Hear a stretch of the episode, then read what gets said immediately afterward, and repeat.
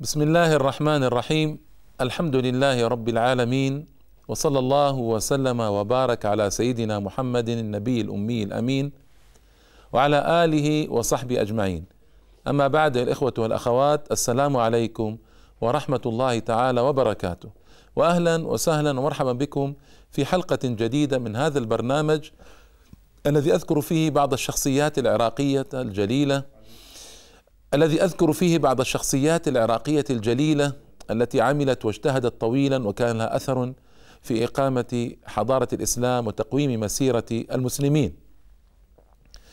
اليوم موعدنا مع إمام مجتهد جليل القدر رفيع المنزلة هو الإمام ابن جرير الطبري وهو معلوم معروف بكتابيه العظيمين التفسير والتاريخ.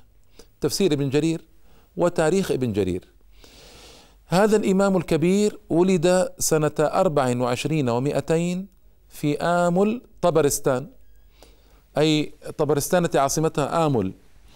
ولذلك قيل الطبري نسبة إلى طبرستان. وهذه النسبة نسبة يعني سماعية لأن من الحق أن يقال له الطبرستاني لكن الطبري هكذا نسبة سماعية.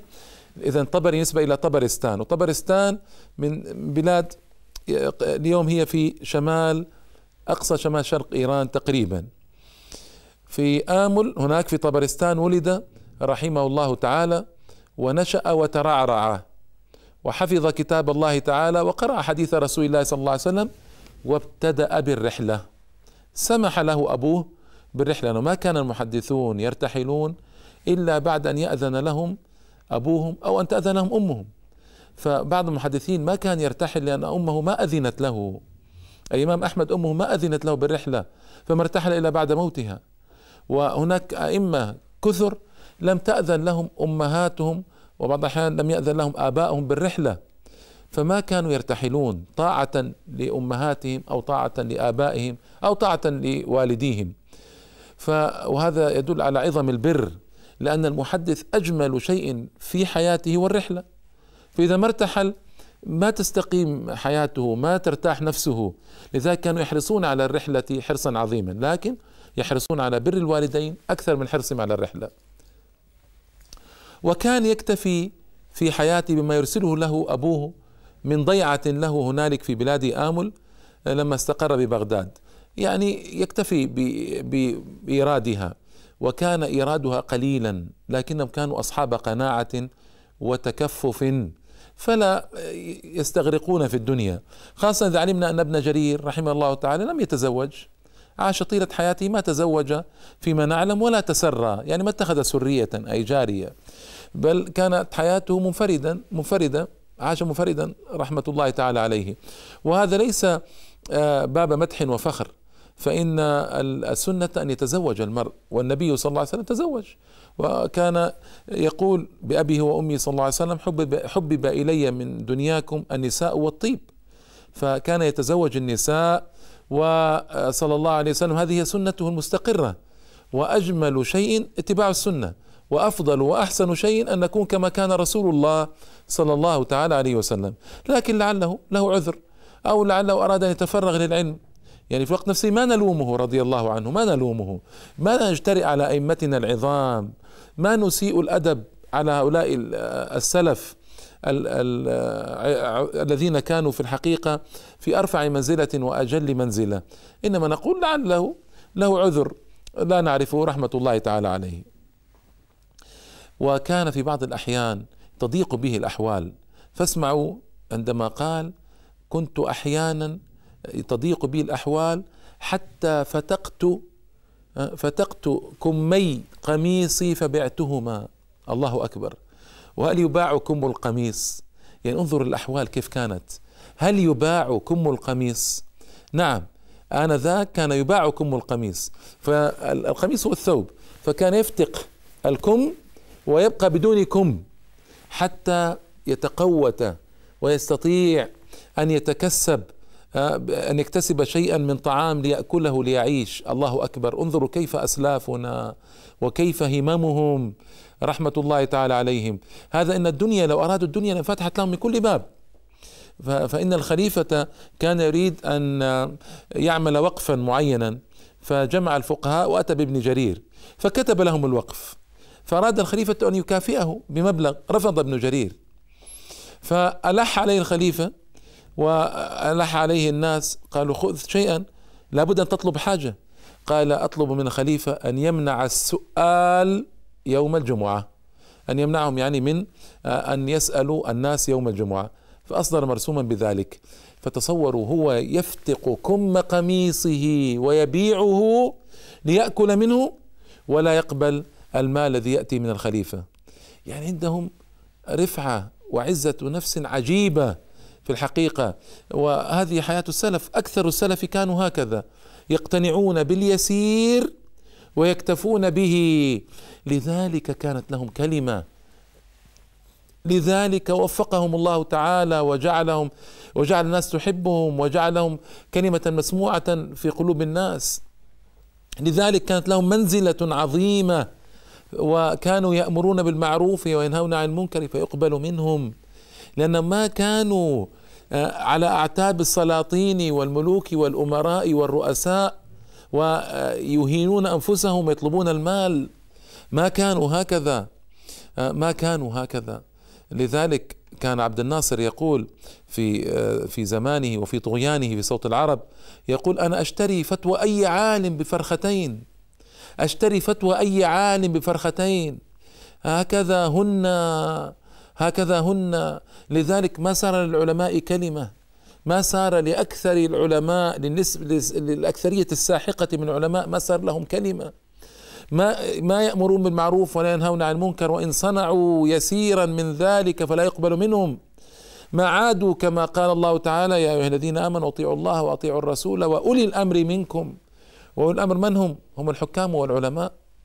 فإذا كان العالم زاهدا متعففا مستغنيا عن أموال الناس عظمت منزلته في الناس وارتفعت وارتقى.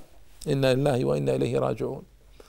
المهم وكانت له قصة جليلة في مصر. ذهب مع ثلاثة معه من العلماء الكبار والمشايخ إلى مصر لطلب العلم.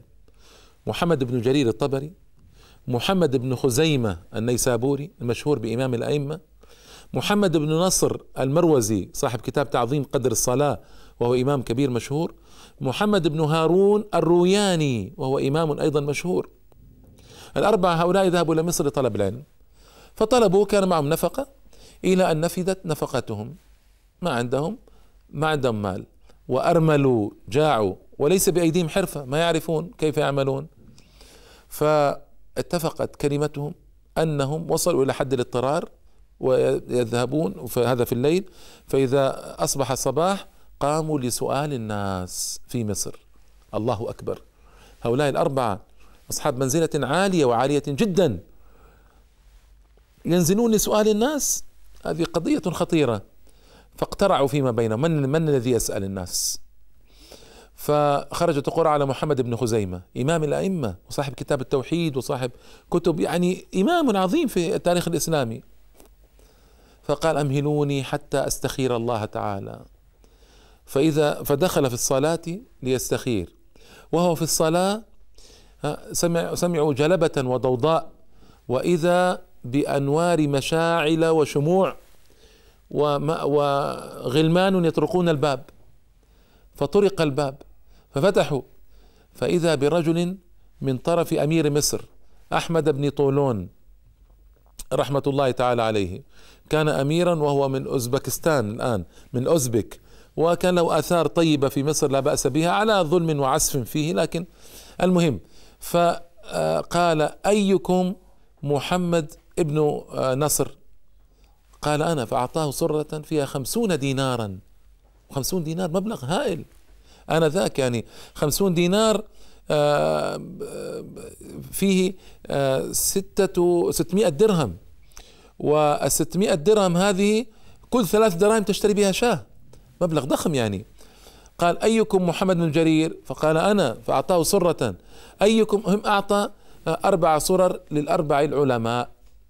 وقال إن الأمير بات في الليل فرأى في منامه قائلا يقول له أنقذ المحاميد. أنقذ المحاميد. فقد طووا على كشحهم. يعني باتوا جياعا. أنقذ المحاميد. انهم كلهم محمد محمد محمد محمد. محمد بن جرير محمد بن خزيمة محمد بن هارون الروياني محمد بن نصر المروزي. أنقذ المحاميد. فإنهم باتوا وقد طووا على كشحهم. يعني باتوا جياعا. وأقسم عليهم الأمير على لسان مرسوله يعني أنه إذا نفد المال فيرسل إليهم غيره. سبحان الله العظيم كيف ينجد الله عبيده. وهذه كرامة ظاهرة لهؤلاء الأربعة كرامة ظاهرة. وأي كرامة هي؟ يأتي آت للأمير في منامه يقول له أنقذ هؤلاء ويدلون على مكانهم ويأتون لهم بالمال إلى آه، المكان الذي هم فيه. وأنقذهم الله تعالى من ذل السؤال ومن ذل الوقوف للسؤال. فهذه حادثة جليلة وجليلة جدا.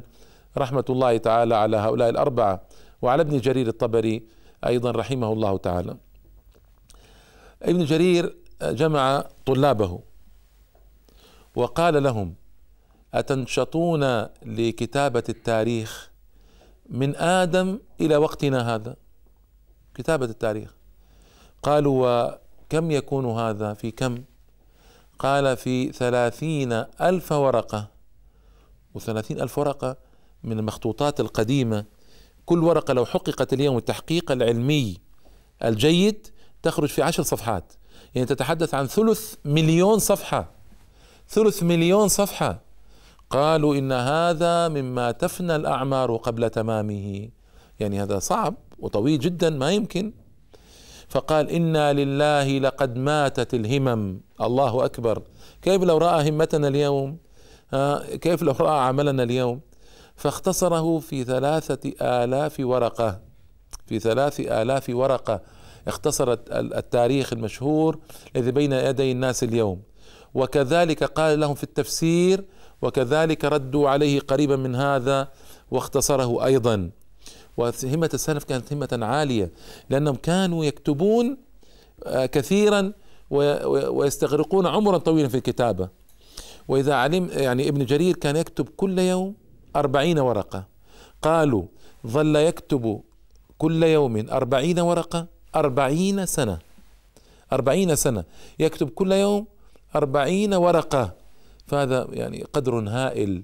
وانظر إلى همة هذا الإمام الهمة العجيبة التي كان عليها. كل يوم أربعون ورقة. ليس بالأمر السهل. ليس بالأمر السهل. لكن كانوا يستعينون على هذا. طبعا قلت لكم ما تزوج وما عنده عيال وليس عنده نفقة. ويستعينون على ذلك بالصيام الطويل وقلة حظ النفس وليس عندهم النزهة والتي عندنا اليوم النزهة والفسحة كانوا كأنما الله تعالى خلقهم على هيئة لينفعوا بها العلم ولينفعوا بها الناس. سبحان الله العظيم. يعني أنا على ثقة من ذلك فإنهم كانوا متفرغين أي تفرغ لطلب العلم رحمة الله تعالى عليهم. هنا كتب التاريخ. تاريخ ابن جرير نحب أن أقف عنده قليلا. هذا التاريخ العظيم وهو تاريخ عظيم لا شك. ابن جرير كان محدثا فكتب التاريخ بالأسانيد. يعني إيش أسانيد؟ يعني حدثنا فلان قال حدثنا فلان قال حدثنا فلان إلى أن يصل إلى وقت الحادثة. نحن نعلم أن ابن جرير قد توفي سنة عشر وثلاثمائة. ثلاثمائة وعشرة. يعني في أوائل القرن الرابع. فبينه وبين الصدر الأول مدة طويلة ثلاثة قرون تقريبا.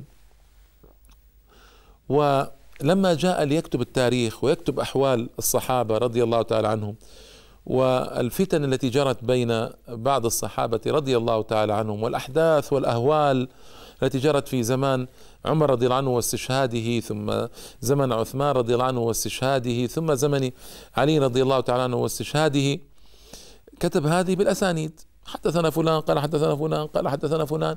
إلى أن وصل إلى ذلك الوقت. وكان جماعة في التاريخ بخلافه في التفسير. في التفسير ضبط وقارن ورجح وأتى بعلم غزير وغزير جدا. حتى إنهم قالوا إنه ليس آه، مثل تفسير ابن جرير تفسير ابدا. يعني ليس هذا التفسير هو مقدم في التفاسير. التفسير الأول في التفاسير هو تفسير ابن جرير الطبري لأنه دقق وحرر ورجح وضبط تفسيره أيما ضبط. وهو بين أيدينا اليوم ما شاء الله تفسير جليل عظيم. اغترف منه العلماء واغترف منه ابن كثير في تفسيره واغترف منه كل من جاء بعده. فتفسيره تفسير منضبط. ويا العجب هذه كلمة سريعة. تفسيره كان مفقودا. أين وجد؟ انظروا تفاسير يعني مثل هذا التفسير العظيم وجد في حائل عند أمير حائل من آل الرشيد في القرن قبل الماضي. وأخذ إلى مصر وطبع. هذا تفسير ابن جرير الطبري. وهذه حادثة جليلة وهذا تعطينا الأمل في أن توجد مفقوداتنا. هناك كثير من المفقودات اليوم في آه، كتب العلماء. لا لا نعرف أين هي. فلعلها تبرز في يوم من الأيام في بيت تاريخي قديم أو في مسجد تاريخي قديم فإنهم كانوا يجدون مخطوطات بعض الأحيان في سقف المسجد. وبعض الأحيان يجدونها عند في عند البيوت القديمة في سقفها وفي أنحائها. ف ولعلنا نجد أيضا مخطوطات أسلافنا أو بعض مخطوطات أسلافنا التي فقدت. والتفسير هذا الجليل أخذ إلى مصر وطبع بعد ذلك. أما التاريخ فلا بد من كلمة لأنه ما حرر فيه وضبط ودقق كما صنع في التفسير. وشعر بهذا هو رحمه الله تعالى وذكر هذا في مقدمة كتابه مقدمة التاريخ. وقال يعني ما معناه؟ ان إنني أوردت الأخبار بأسانيدها والعهدة في ذلك على آه، راويها وقائلها. طيب هذا كلام يصلح في زمانه لأن زمانه كان طلبة العلم كثرا وكانوا يعلمون إذا جاء الخبر من فلان من طريق فلان من طريق فلان فهو خبر ضعيف. وإذا جاء الخبر من طريق فلان أو فلان أو فلان فهو خبر قوي. لا بأس بهذا. أما نحن اليوم فلا نعرف. أكثر الناس لا يعرفون. فإذا فتحنا كتب التاريخ وقرأنا في في تاريخ ابن جرير نجد العجب العجاب من الكذب الصراح الكذب الواضح على عثمان وعلى علي رضي الله تعالى عنه وأخبار كاذبة. ليس كله هكذا. طبعا تاريخ ابن جرير تاريخ رائع تاريخ عظيم في في أشياء كثيرة جليلة لكن هذه الأشياء شانته وقلت لكم يعني عابته وعذره في ذلك أنه ساقها بالأسانيد. وعليكم أن تحرروا أنتم. لكن ما يصلح هذا. لذلك جاء المستشرقون فطبعوا في أوائل ما طبعوا من كتب الإسلام تاريخ ابن جرير الطبري. وساروا يريدون العظائم والمهلكات الكاذبات وينسبونها تاريخ ابن جرير.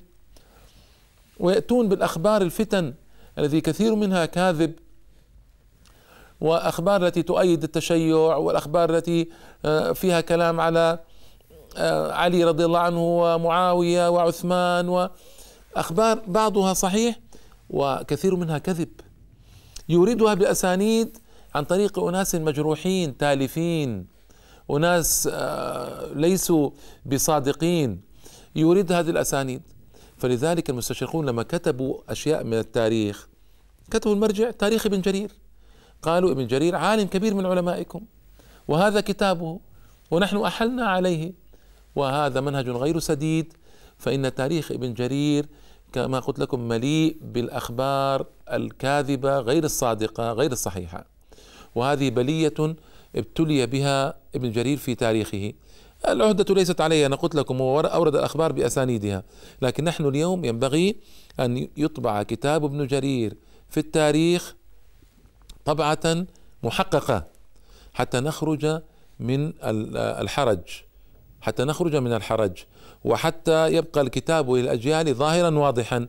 ولا نعتمد على طبعة المستشرقين التي طبعوها ولا على الطبعات الأخرى التي ما حققت. هناك طبعات أخرى طبعناها نحن مسلمين لكن ما حققنا.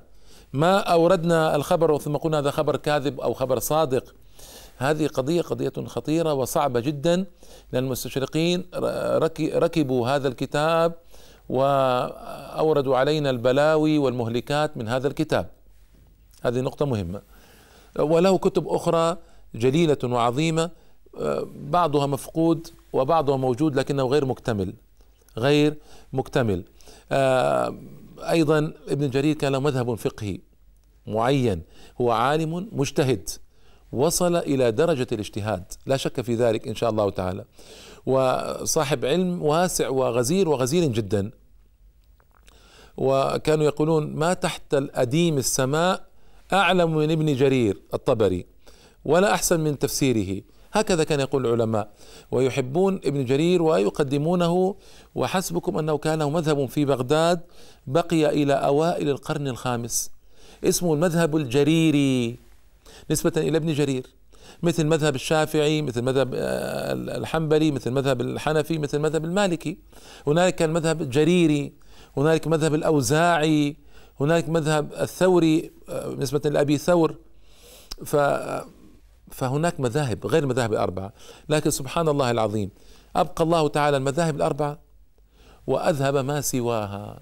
فمنذ القرن الخامس بدأ مذهب الجريري هذا بالزوال. بقيت أقواله الفقهية مبثوثة في كتبه وفي ترجيحاته في التفسير وفي كتاب الآثار وغير ذلك. بقيت وبقيت مروية في الكتب في بعض الكتب والمصنفات. لكن المذهب هذا الكتلة تلاشى. لماذا؟ لأنه لم يعد له تلاميذ يأخذون به. لا بد لأي مذهب فقهي أن يكون له مدرسة والمدرسة فيها تلاميذ وتلاميذ يكونون أئمة عظاما بعد ذلك يقومون بالمذهب ويحملونه للناس. سلفا خلفا عن سلف وهكذا كابرا عن كابر. ابن جرير لم يعد لمذهبه تلاميذ. يقومون به. بقيت كتلة مذهبه آراؤه كلماته أقواله آه، فقهه بقي ترجيحاته. لكن ما عاد هنالك تلاميذ يدرسونها للناس ويحملونها وينافحون عنها ويدافعون ويكتبون الكتب فيها ويؤلفون. لذلك اندثر مذهبه رحمة الله تعالى عليه. ولهذا سر. الله أعلم به لماذا أبقى المذاهب الأربعة جل جلاله واندثر ما سواها؟ هو أعلم وأحكم جل جلاله. لا يسأل عما يفعل وهم يسألون. لكن هذا أريد أن فقط أن أدلل أنه كان مجتهدا. لا ينتسب لأحد. درس في بداية أمره على الفقه الشافعي في بغداد لكن بعد ذلك استقل وصار صاحب مذهب مستقل وصاحب تلاميذ. هؤلاء التلاميذ التفوا حوله وهو يجود بنفسه في الاحتضار وقد توفي في أوائل القرن الرابع. عاش معظم حياته في القرن الثالث. لأنه قلت لكم أنه ولد سنة عشرين آه، وولد سنة أربع وعشرين ومائتين فعاش ستا وسبعين سنة في القرن الثالث. وهو آخر القرون وحديث رسول الله صلى الله عليه وسلم خير الناس قرني ثم الذين يلونهم ثم الذين يلونهم. هذه آخر القرون الخيرية القرن الثالث. عاش فيه ستا وسبعين سنة عمرا مديدا. وعاش عشر سنوات أو تسع سنوات في القرن الرابع. فهو بهذا قد أدرك الخيرية هذه الجليلة وعاش بداية القرن الرابع. توفي سنة 310 رحمه الله تعالى. 310 هنا التف حوله تلاميذه. فقالوا له أوصنا بوصية ندين الله تعالى بها. نبقى على العهد يعني بعد وفاتك. قال أوصيكم بما بثثته في كتبي وكتبته فيها. أوصيكم بهذا. ف ولما نزعت روحه رحمة الله تعالى عليه أغلق بيديه عينيه. هذه السنة. السنة إذا حضر أحدكم إلى ميت أو إلى محتضر ومات أن يغلق عينيه وأن يربط فكيه. لماذا؟ لأن الإنسان حال الموت نسأل الله السلامة والعافية يشخص بعينيه إلى فوق يقولون تتبع الروح ويفتح فمه. فإن لم آه، يعاجل بإغلاق فكيه وهو ما زال يعني ما زال آه، فيه المرونة وإغماض عينيه يبقى فكه مفتوحا هكذا وتبقى عيناه مفتوحتين. فمنظره ما يكون مناسبا. فمن السنة أن تغلق العينان وأن يربط الفكان. فهو أغلق عينيه بيديه رحمة الله تعالى عليه ثم بسط يديه وأسلم الروح بعد أن تشهد مرارا وتوفي وأسلم الروح لبارئها رحمة الله تعالى عليه على هذا رحمة الله تعالى على هذا الإمام الجليل. وألحقنا به في عليين ورزقنا أن نقرأ كتبه وأن نستفيد من علمه. إنه ولي ذلك والقادر عليه. وإلى اللقاء إن شاء الله تعالى مع شخصية عراقية أخرى جليلة. والسلام عليكم ورحمة الله تعالى وبركاته.